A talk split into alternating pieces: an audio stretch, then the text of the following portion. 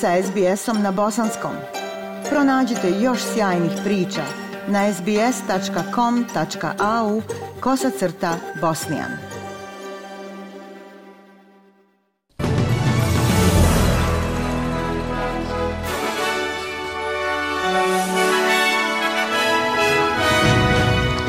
U današnjim vijestima poslušajte. Švedska osvojila titulu Eurovizije 23. Australija među deset najboljih. Novi Južni Vels će imati vlastiti program za transplantaciju srca kod djece.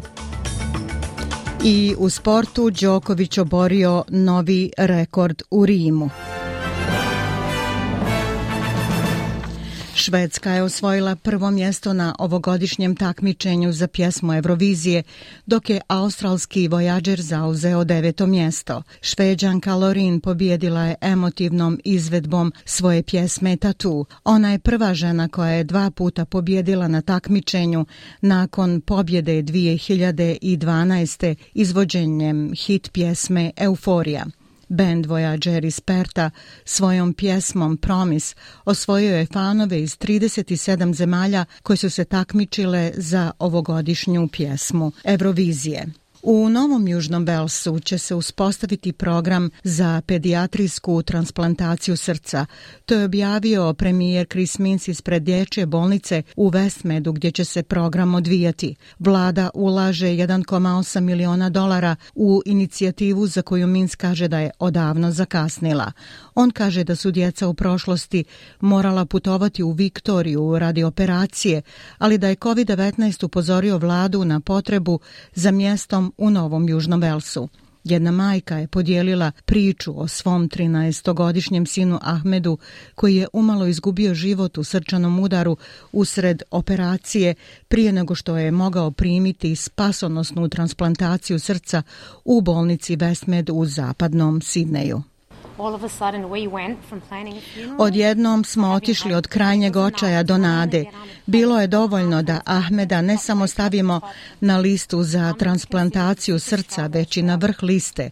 Ahmed se smatrao najbolesnijim djetetom u Australiji.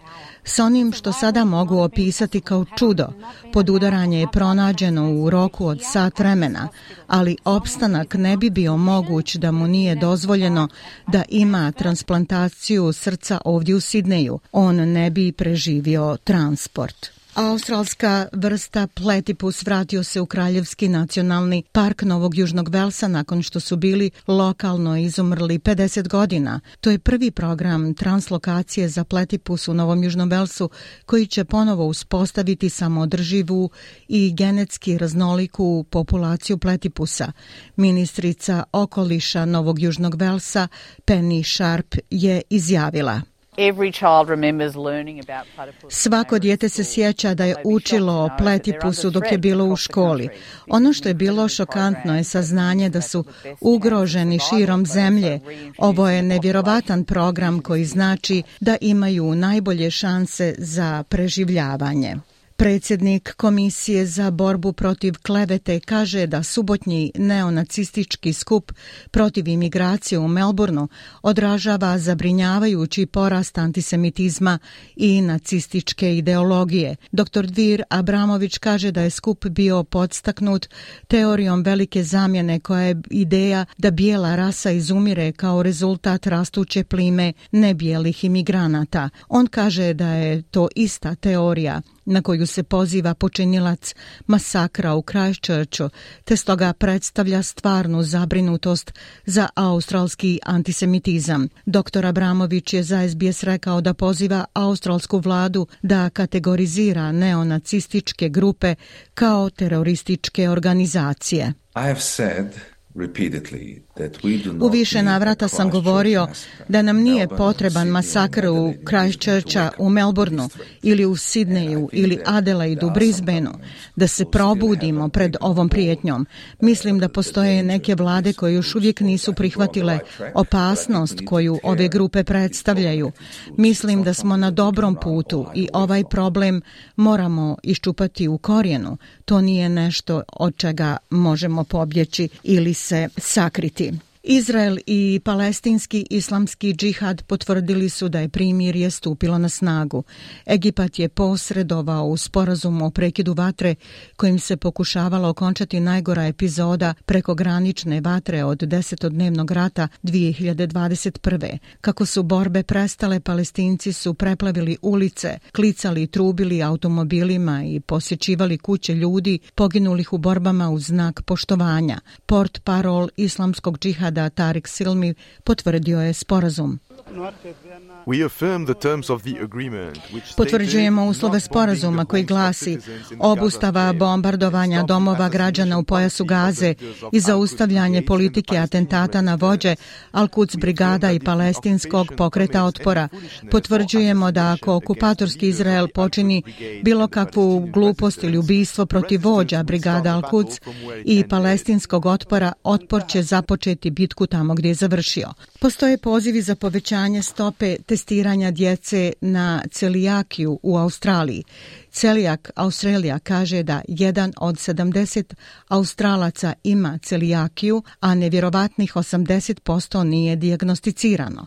Organizacija poziva roditelje, staratelje i doktore da povećaju stopu testiranja australske djece, jer celijakija može uticati na dobrobit djeteta, dovesti do dugoročnih, ozbiljnih zdravstvenih posljedica, uključujući rak. Celijak Australija objavila je danas da započinje jednogodišnju kampanju kampanju za edukaciju australske javnosti o znakovima i simptomima bolesti kod djece. Dijagnoza celijakije obično se propušta jer oponaša mnoge druge dječje bolesti.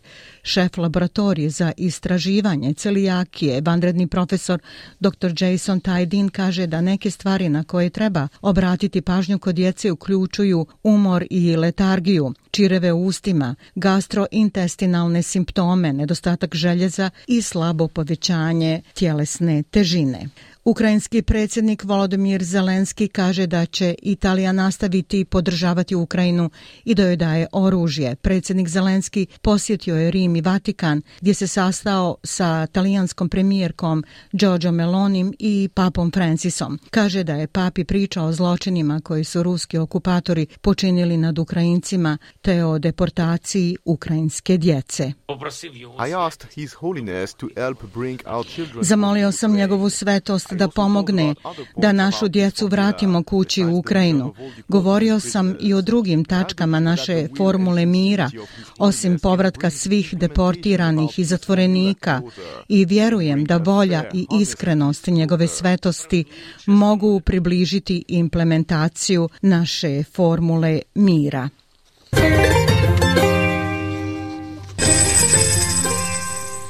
Prema kursnoj listi australski dolar danas vrijedi 0,67 američkog dolara, 0,60 eura, 0,53 britanske funte i 1,17 bosanske konvertibilne marke.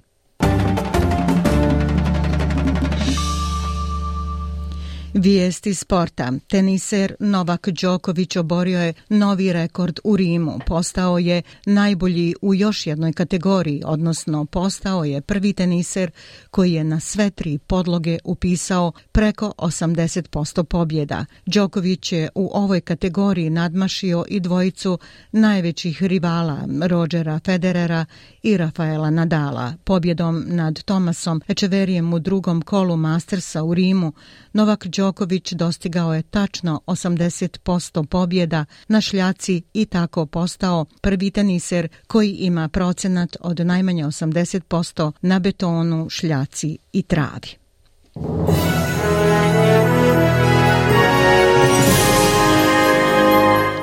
I za kraj vijesti poslušajte temperaturne vrijednosti za veće gradove u Australiji. U Pertu je sunčano 21, u Adelaidu također sunčano 23, u Melbourneu 20, u Hobartu 17, u Sidneju pljuskovi 21, Brisbaneu također pljuskovi 23, a u Darwinu je sunčano 33 stepena. Bile su ovo vijesti SBS-a na bosanskom jeziku. Ja sam Aisha Hadži Ahmetović. Ostanite i dalje s nama.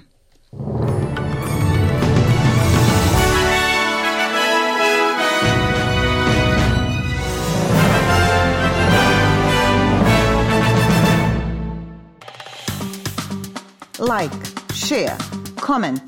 Pratite SBS Bosnian na Facebooku.